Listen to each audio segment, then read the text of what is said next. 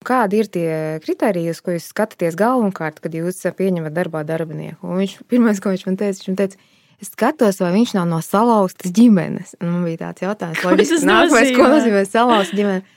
Un viņš teica, es skatos, vai viņu vecāki nav šķīrušies, un es nepieņemu darbā nevienu darbinieku no šķirtām, šķirta background, no tādām ģimenēm. Jā, un...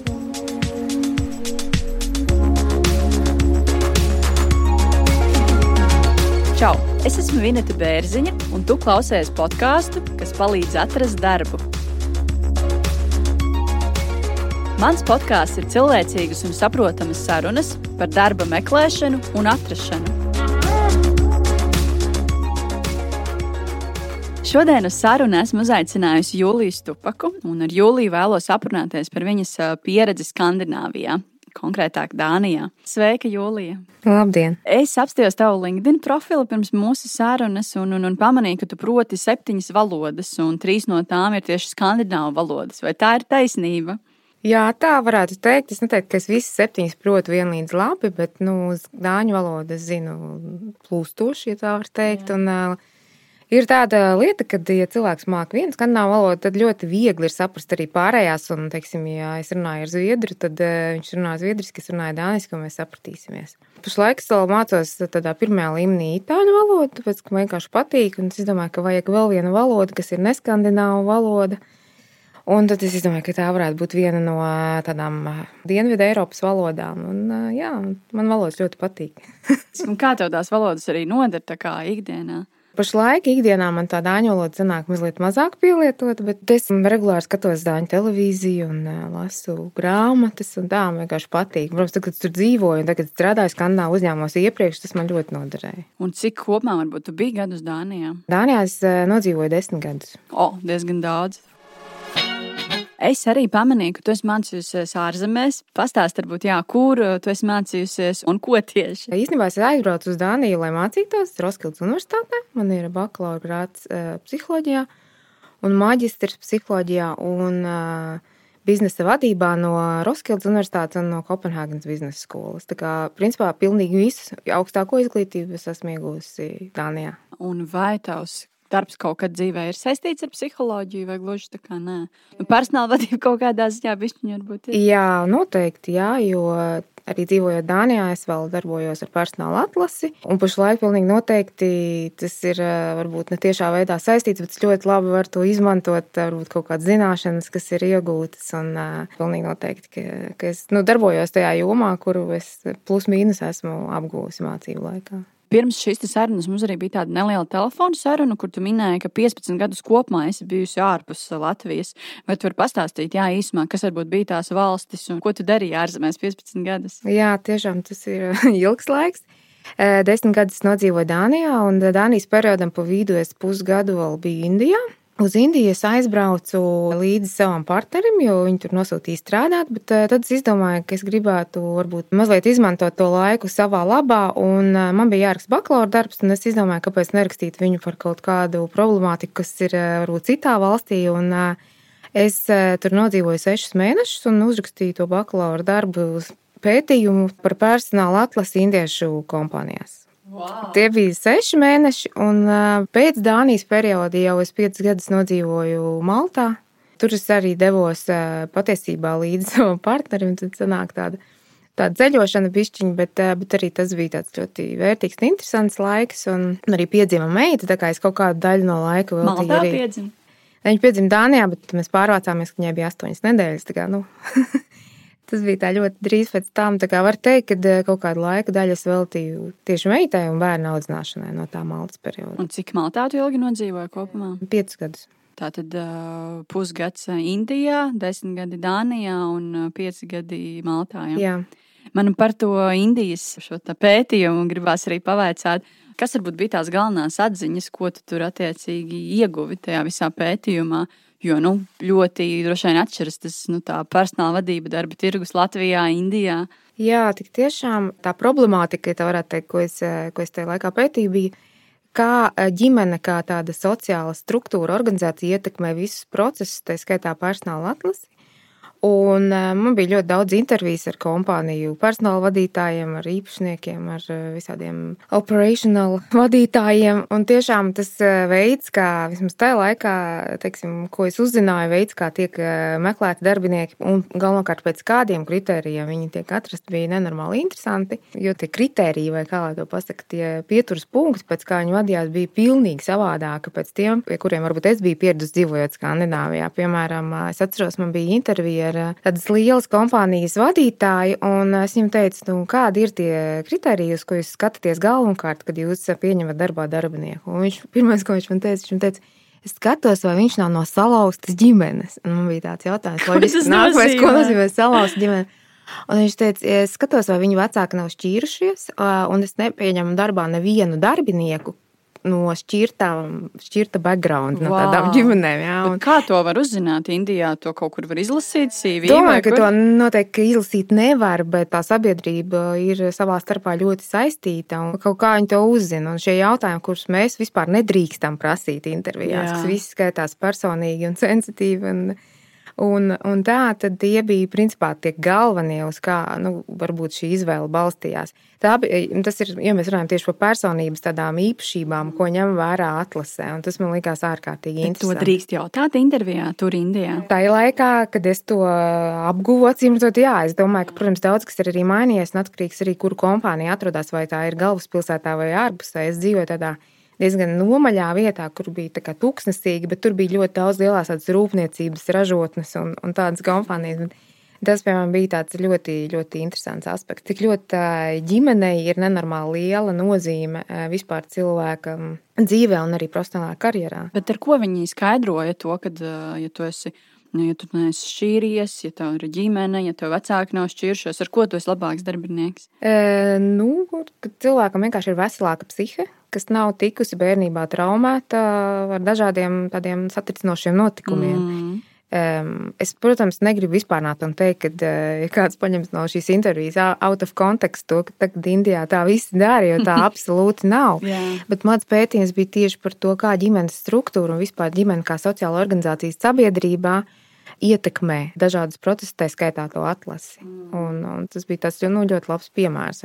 Redz, cik interesanti. Man tieši atmiņā arī atsaucās Anna Baloda, kura nesen bija pie mums podkāstā uz interviju. Viņa stāstīja to savu dzīves stāstu, kad viņai bija 11 gadi, viņai vecāki izšķīrās. Un tad viņai tur dzīvē viss aizgāja pa pieskaru, viņai sākās ēšanas traucējumi, kā tas ietekmē viņas karjeru. Un viņa nonāca arī, arī Tvaika ielā, un vēl viss kaut kas slikts gadījās ar viņu. Bet nu, šobrīd, paldies Dievam, viņa viss ir kārtībā. Viņa palīdz tādiem cilvēkiem, kāda bija viņa attiecīgi ar šiem tēšanas traucējumiem. Tā kā man kaut kā sasaistījās tas, tas kopā un at, atsaucās atmiņā. Protams, es ja drīkst nu tā, nu personīgi uzskatu, ka tam kaut kāda saistība ir, jo jebkurš tāds liels satricinājums un šķiršanās viennozīmīgi tāds ir ietekmē cilvēku nu, psihi, likteni, nezinu, kā lai to nos, nosauc. Varbūt. Un es domāju, ka savā ziņā tam, tam taisnība ir vienkārši mēs rietumu pasaulē pilnīgi fokusējamies varbūt, uz citiem atlases kritērijiem, un mēs par ģimeni ļoti reti. Mēs eh, nedrīkstam jautāt intervijās, vai jums ir bērni. Un vispār neviena tāda jautājuma šeit pilnīgi, tas ir pilnīgi otrādi. Jo varbūt tas eh, tā galvenā atziņa ir, ka eh, īstenībā tā ģimene un viss pārējais mūsu sociālais background mūs ietekmē ļoti daudz, un arī tieši darba situācijās. Un tas bija ļoti interesanti. Pirms mēs ķeramies pie tavas Dānijas pieredzes, vai varbūt vēl kaut kāda atziņa no tā Indijas pētījuma? Jā, tas varbūt nav tik daudz no pētījuma, bet vispār, ko es novēroju arī organizācijās, tur bija ļoti dažādas tādas arī ētiskas dilemmas. Jo mēs visi zinām, mēs visi esam lasījuši šo stāstus par kompānijām, kur nodarbina bērnus, kur ir tur, nu, varbūt jaunieši, es nezinu, bet katrā ziņā zem 18 gadu vecuma. Un tāpat laikā runājot ar šiem kompāniju vadītājiem, bieži vien es jautāju, nu, kā, es varbūt eh, redzēju tur kaut kādu jaunieti, viņš izskatās ļoti jauns. Un dažkārt eh, tās situācijas bija tādas, ko viņi man stāstīja, ka eh, no visas ģimenes viņš ir vienīgais, kas var strādāt. Un principā, ja viņš uz darbu neiet, un viņam mēs šo iespēju nepiedāvājam, tad neviens ģimenē nēd. Wow. Un tad kas ir labāk, varbūt to 12-gadīgo, kurš nu, jau ir jaunietis, dot šo iespēju, nu, būt par ģimenes apgādnieku, vai viņam to liek, tāpēc, ka zinām visi, protams, ka bērnus nostrādāt nav ētiski, un viņiem ir jāiet skolā tajā laikā. Ja?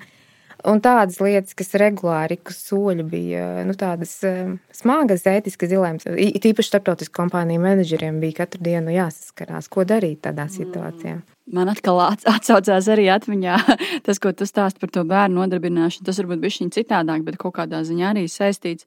Es skatos vienu tādu realitātes šovu, un uh, tur ir viens tāds raidījums, es precīzi neatceros, kā sauc, bet aptuveni laikam supermāmas, kur šīs sievietes savā starpā sacenšas, kuras tur labākas maisaimnieces, biznesa sievietes, maisaimnieces, bērnu audzina, nu, visu kopā. Un bija viens tāds gadījums, kur viena sieviete nestrādā, viņa dzīvo nu, viena ar savu bērnu, bērnam ir septiņi gadi, puisītim. Un viņš ir tāds nu, diezgan simpātisks puika, un jau no mazām dienām viņu ved uz dažādiem castingiem, viņš kaut kur filmējis, un nu, teiksim, tā, viņš jau ir kaut kāda neliela zvaigzne. Un interesanti bija ļoti tas, ka tas septiņgadīgais puika tajā intervijā arī saka, nu, es esmu ģimenes apgādnieks, man ir jāstrādā, un viņam ir septiņi gadi, un viņa māte nestrādā. Nu, tas tāds pilnīgi arī nu, šokējošs stāsts. Jā, nu vienlaicīgi arī traģiski, protams, šie stāsti, jo tiešām, ja ģimene ir, es nezinu, tur Indijā, protams, viņas dažkārt ir lielas arī ar daudziem bērniem. Un, vecāki ir bez darba, un tad vienam ir dota tā iespēja, šo iespēju, protams, labprāt izmanto.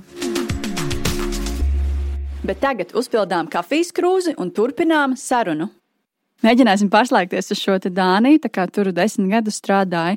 Kā varbūt vispār atšķiras darba tirgus kā, situācijas Latvijā un Dānijā? Es teiktu, ka uh, viņas, protams, atšķiras. Savā ziņā tas ir arī nu, līdzīgas, jo teiksim, tas process, varbūt, ja mēs sākam skatīties pēc augstskolas un tālāk, tā tie pirmie soļi darba tirgu, viņi ir visai līdzīgi. Cilvēki mācās, paralēli viņi bieži vien arī strādā, nu, cik viņiem atļauj laiks. Tad viņi pabeidz augstskolu, un tad viņi Dānijā tāds diezgan, nu, tad, kad viņi meklē tādu īsto darbu, teiksim, varbūt tā, ka tu tur trīs gadus mācies kaut kādu lietu, un tad tu paralēli strādā veiklā vai restorānā vienkārši, lai, nu, lai uzturētu sev, lai tev būtu komfortabla dzīve, tad, kad tu jau tuvojies tam beigu posmam, tad ļoti bieži cilvēki sāk meklēt relevantas prakses vietas vai teiksim, darba vietas. Vai... Un uzreiz, pabeidzot arī augstskolu, ir iespēja, teiksim, ja tu uzreiz neesi atradis pēc tam pirmajā dienā īsto tavu darbu, tad tu vari uzreiz arī sākt saņemt bezdarbnieku pabalstu, lai varētu šo darbu meklēt.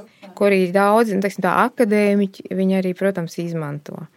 Jo, principā, Dānijā tiek uzstīts, ka darbu meklēšana arī ir darbs. Ļoti pareizi. Un, ir visdažādākie resursi pieejami, kā labāk to dienu saplānot. Kad tev, kamēr tu meklē darbu, piemēram, teiksim, kā tu savadīji savu dienu arī blokos, ko darīt, piemēram, ja tev uznāk besis par to, ka tu darbu nevar atrast, kādā veidā sev uzmundrināt un tam līdzīgi. Un Dānijā ļoti stipras arotbiedrības arī, un tā, tā, kad tu pabeidz, piemēram, savas mācības, ļoti bieži cilvēku taisno viņi stājās arotbiedrībā, kas ir viņu kā, profesijai domāta, piemēram esi akadēmiķis, vai tu esi nezinu, frizieris. Vai... Un šīs arotbiedrības ir tieši tās, kas arī menedžē vairāk to, to resursu, piedāvā dažādas apmācību iespējas, kursus un dažādus resursus darba meklētājiem. Un, nu, vārds sakot, palīdz. Es šodien arī gatavoties mūsu sarunai, arī nedaudz internetā palasīju nu, kādas ir attiecīgi tās iespējas, kā Dānija atbalsta šos darba meklētājus. Un arī dzirdot, ko tu saki, man radās tā tāds iespējas, ka Dānijā pat nu, ir šis lielāks, manuprāt, atbalsts darba meklētājiem nekā Latvijā. Vai tā varētu būt? Jā, es domāju, ka savā ziņā tas tā ir. Tīpaši tiem darba meklētājiem, kas ir jauni, jauni cilvēki, kas varbūt tikko pabeidz augstskolu. Es domāju, ka tā ir. Es tagad precīzi nepateikšu, kā pašlaik ir likumi, cik ilgi tu vari meklēt darbu un cik ilgi tu vari saņemt pabalstu, bet tas noteikti ir ilgāk nekā Latvijā. Ja Dānijā, kā mēs visi zinām, ir ļoti stipra sociālā sistēma, ja tas ir tāds sabiedrības mūrkals, ir īstenībā sociālā sistēma. Ja Indijā tā ir ģimene, Dānijā tā ir sociālā sistēma, tāpēc visdažādākie resursi ir pieejami gan materiālie, gan arī viss, cik cilvēkam palīdz atrast darbu. Kā ar šo izglītību, vai Dānijā izglītība ir nu, teiksim, liel, lielā cieņā, lielā vērtē, jo nu, Latvijā tomēr vairāk skatās to darba pieredzi, motivāciju. Protams, forši ir tā izglītība, bet nu, vien, nevienmēr arī prasa darba intervijās. Es teiktu, ka jā, ka viņi ir lielākā cīņā, un es teiktu, ka vairāk cilvēki tomēr arī, tā, ka viņi studē, viņi pēc tam arī vairāk izvēlās iet to ceļu, varbūt to profesionālo ceļu, ko viņi būtu apguvuši. Mazāk ir tādi gadījumi, kā es dzirdu, un es ļoti daudz arī dzīvoju, tagad Latvijā arī intervējos pats cilvēks dzirdu, Nu, es tur izmācījos par juristu, bet tikai dēļ diploma jau bija kaut kur jāiet. Nu, teiksim, jā, to, cik ļoti jā, jā, jā, un to es varbūt tā mazāk esmu dzirdējis Dānijā. jo Tur cilvēki vairāk varbūt tieši studē to, kas viņiem interesē. Jo atkal tā sociālā situācija ir tāda, ka tu varbūt vari arī vairāk atļauties studēt to, kas tev interesē. Tev nav teiksim, tā dzīvē jāizsitās tik ļoti kā Jā, Latvijā, jā. jo tev ir visi dažādi atbalsti. Ja tu tur saslimsti, ja tev nav darba, viens otrs, trešais variants, tā kā ir iespēja vairāk brīvas spējas, kurā pālpot un pastīties, ko tas tiešām gribu darīt. Mhm. Vai Dānijā var iegūt bezmaksas izglītību? Jā, Skandināvija, es, es ne, ne, negribu teikt par Zviedriju, Norvēģiju, tagad es varu kļūdīties, bet Dānijā jā, liela daļa noteikti izglītības ir bez maksas. Jā. Tad, kad es mācījos, ļoti daudzas izglītības tiešām bija pa brīvu, un arī daudziem studentiem no, nu, piemēram, no citām valstīm, tāpat arī no Latvijas, tur, protams, mācās ļoti daudz cilvēku, un tāpēc viņi arī tur brauc mācīties. dzirdēts, jā. Varbūt mīnus ir tāds, ka Dānijā vienkārši ir ļoti dārga valsts un ļoti dārga dzīve tur ir. Pat ja tev izglītība ir pa brīvu, tev ir kaut kādā veidā jāizdomā, vai jāspēj sevi uzturēt, vai jāizdomā, kā to izdarīt. Un, un tas varbūt arī nedaudz nu, atbaida cilvēkus, jo loģiski, ka tā ir nu, tāda lieta, kas ir jārisina tur esot. Vai ir obligāti nepieciešams dāņu valodas zināšanas, ja es gribu strādāt Dānijā? Es teiktu, ka obligāti nepieciešamas nav, bet tas absolūti viennozīmīgi palīdz. Un es par sevi teiktu, tā, kad es braucu tur dzīvot, es biju jau Latvijā sākus mācīties daņu valodu, bet es jau minēju, ka man valodas patīk. Man nebija tāds, oh, jāmācās vēl viena valoda. Un es sāku, es biju jau privāti mācīties, un tad, kad es tur aizbraucu, man arī nebija nekādi, nezinu, tur milzīgi iekrājumi, lai dzīvotu. Es sapratu, ka man būs jāatrod studentu darbs, lai es varētu tā kā sevi uzturēt un vienlaicīgi tur mācīties. Un tas, ko es izdomāju, ka es ļoti ātri, nu, teiksim, cilvēku bez dāņu valodas zināšanām visur arī darbā nepieņem. Bet restorānos, ceļš Kopenhāgenes centrā, diezgan labi pieņem. Un es atradu darbu restorānā, un mans mērķis bija tāds, ka es nevaru teikt, ka es tajā laikā mācīju ļoti labu valodu, bet nu, kaut ko es mācīju, un vēl vairāk es sapratu, ka es to darbu izmantošu, lai apgūtu valodu. Jo es visu laiku runāju cilvēkiem. Tajā laikā es nerunāju pārāk labi, un Dievs viens viņa par maniem padomāja. Es bieži arī pasūtījumus sajaucu, un, var sakot, es biju briesmīgi oficiāli. Bet, Bet tas ir studenta darbs, kā tu teici. Tas bija, jā, un valodas iemācījos, un ne tikai valodu noteikti, bet, eh, un, un paralēli, protams, mācījos arī valodas skolā, bet absolūti, es varu teikt, man palīdzēja, tas tā bija tāda street language, ka tā kā apgūst tādā ikdienas interakcijā arī joki dažādi. Piemēram, es atceros vienu gadījumu, es apkalpoju viesus, un viņi, viņi man saka, mūsu pudelē ir tukšs, tā kā tukšs dibens, un to pudeli rāda, es nesaprotu, ko viņi domā. Es beigās saprotu, viņi, tas ir dāņu joks par to, ka viņiem vajag jaunu vīnu pudeli. Bet, bet nu, tādas situācijas, tādi, teiksim, tādi izteicieni un tādas lietas, tā bija ļoti laba tāda skola. Un savukārt, vai tu vari raksturot, kā darba kultūra atšķirās Latvijā un Dānijā, ir kaut kādas atšķirīgas iezīmes? Varbūt īsāks darba laiks, varbūt kaut kas cits. Jā, īsāks darba laiks Dānijā ir 37 stundas nedēļā. Daudzi strādā arī 35 un 32. Nu, nepārstrādājās. Bet, eh, nu, tas ir vairāk tāda vispārēja tendence. Protams, ne, ne, nesaka, ka tā dara visi, bet eh, jā, tur ir īsāks darba laiks. Un, um, tur pienākās arī vairāk brīvdienas cilvēkiem.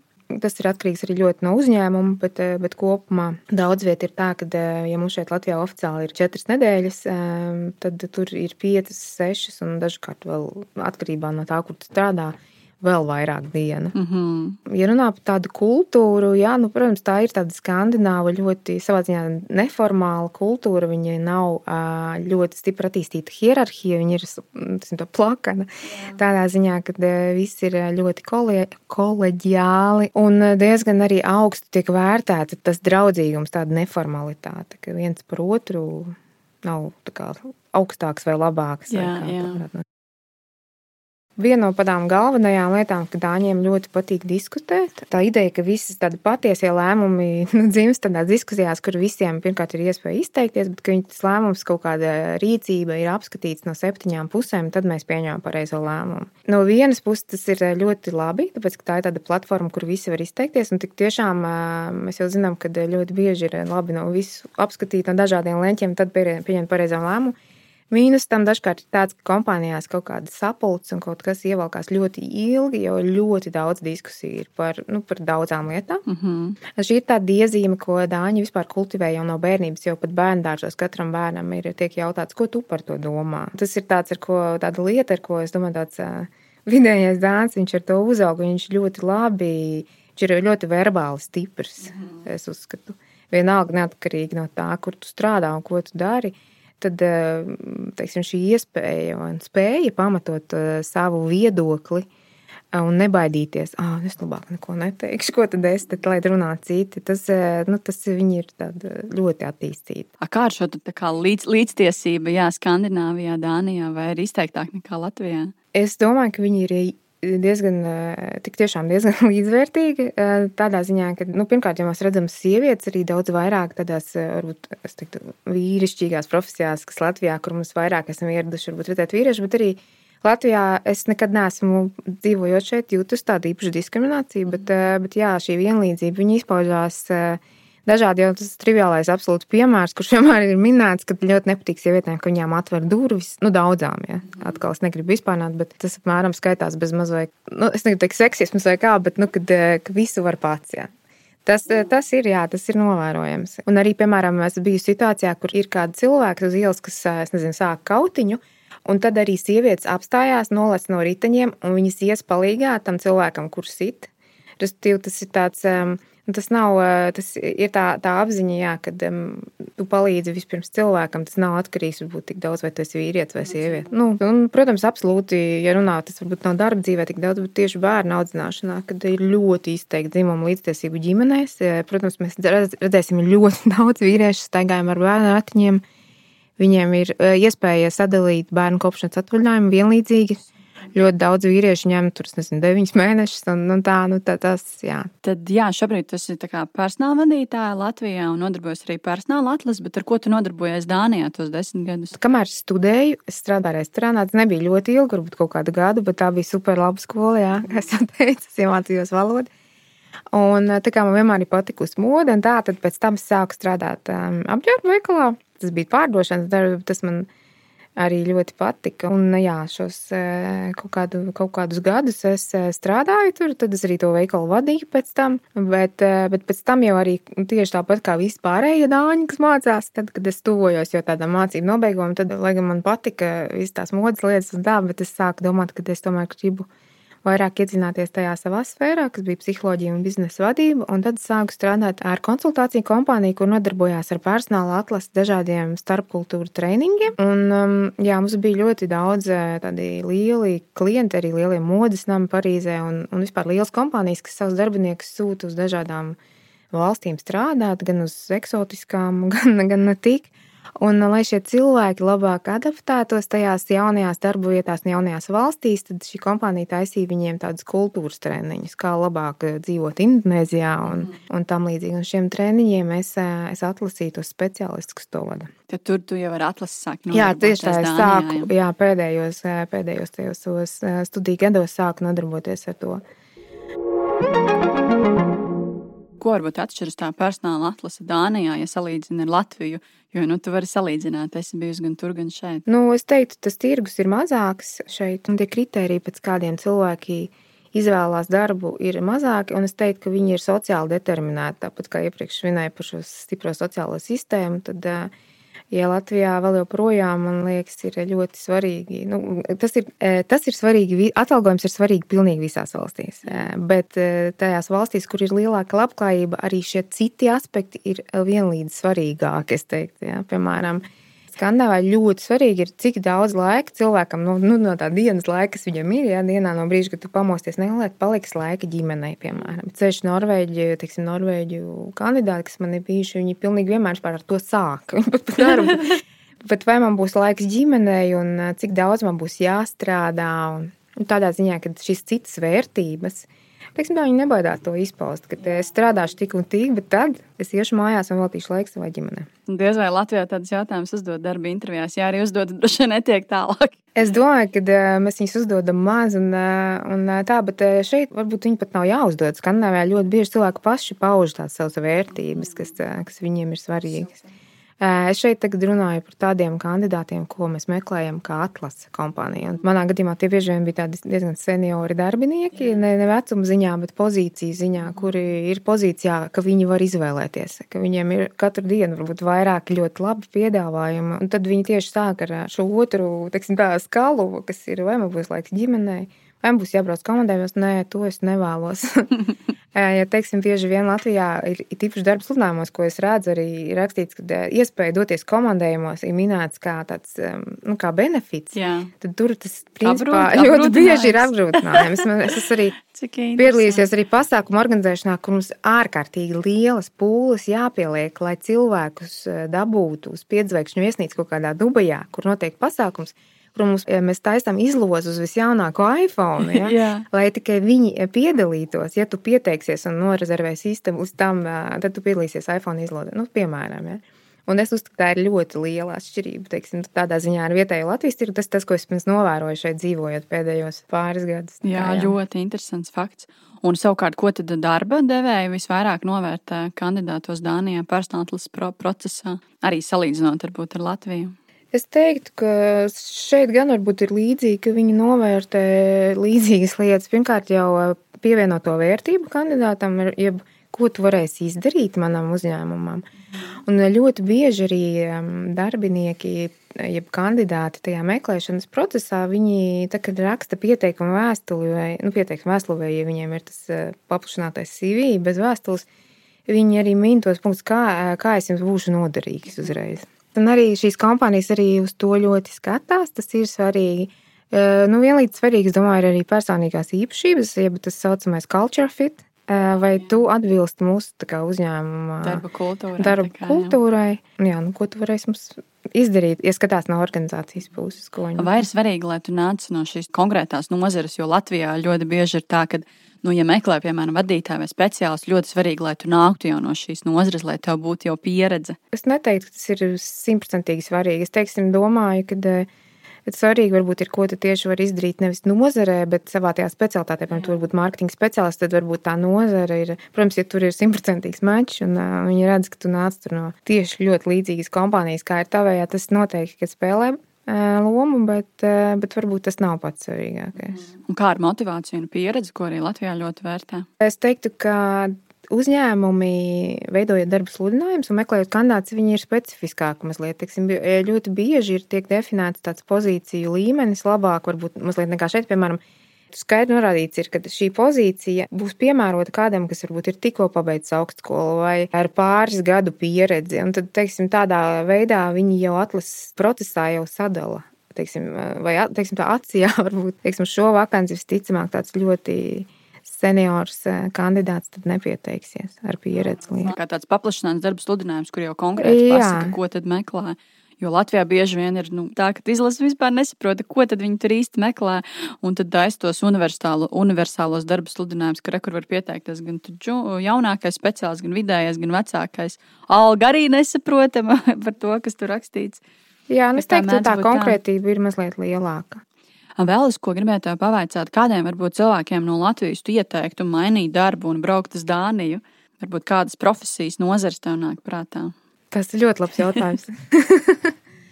es teiktu, es, es pat nezinu, vai tās būtu nozares. Es, es teiktu, ka to var darīt cilvēki, kuri ir drosmīgi un enerģētiski, un uh, kuriem ir tomēr tā vēlme arī apgūt valodu.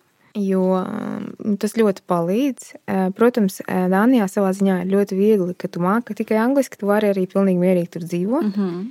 Bet, eh, bet tādai pilnīgākai integrācijai noteikti dāņu valoda paz, pa, palīdz mhm, viennozīmīgi. Mm -hmm. Varbūt ir kaut kādas tās profesijas, kas tā trūks Dānijā, bet varētu būt Latvijā atrodamas. Jā, noteikti, piemēram, medmās. tas arī trūkst, kā zinām, pašlaik šeit. Bet tur atkal labākas algas. Tur noteikti labākas algas un labāka apstākļi. Un tur ir arotbiedrības, kas eh, vienmēr darbiniekus aizsargā, bet tur ir arī eh, teiksim, tā, jāaiziet vietējie tādi certifikācijas standarti. Es godīgi, ja godīgi, es tā eh, iedomāties tādas nozares, ko, kam, nu, kam būtu ļoti piemērot tur doties, tā, tā nevaru pašlaik. Es domāju, tas ir atkarīgs dienas beigās no katra cilvēka personīgajām īpašībām vairāk un uzņēmības. Bet es teiktu, ka ir viena tāda lieta, varbūt, kad uz Dāniju var doties cilvēkam, patīk salīdzinoši tāda mierīga dzīve, jo tur tiešām ir lielāks miers nekā šeit. Tāpēc, ka tur ir daudz lielāka sakārtotība daudzās lietās. Protams, cilvēkiem ir stress, arī viņi streso, viņiem ir depresijas tieši tāpat kā pie mums. Tā, bet, ja tu gribi, ja tev patīk vispār tāda struktūra, zināt kaut ko un savas tiesības, un salīdzinoši mierīgi dzīvot, bez tādām ļoti lielām tādiem emocionāliem pacēlumiem, tā, tad, eh, tad var tur doties. Jo tik tiešām, ja runājam par darbu tirgu, tur daudz lietas ir, ir ļoti sakārtotas. Paldies, Jūlija, ka padalījāties gan ar savu Indijas pētījumu, kas bija interesants, gan arī šī Dānijas pieredze, kas tiešām ļoti klausījos un, un izbaudīju. Tā kā liels paldies, ka atnāci un padalījies. Jā, paldies, ka uzaicināji. Bija ļoti, man liekas, ļoti interesanta un vērtīga saruna. Paldies! paldies. Atā. Atā. Tu noklausījies podkāstu, kas palīdz atrast darbu. Lai dzirdētu visas intervijas, seko pirms darba visās podkāstu aplikācijās, arī Facebook, Instagram un YouTube. Iesaki tēmu, nāc uz interviju vai reklamē savu uzņēmumu podkāstā. Kontaktus atradīsi epizodes aprakstos un manā LinkedIn. Uz sadzirdēšanos!